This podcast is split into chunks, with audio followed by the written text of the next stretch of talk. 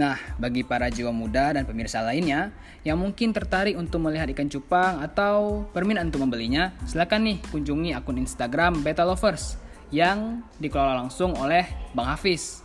Oke, sekian di episode kali ini. Terima kasih kepada jiwa muda yang sudah mendengarkan.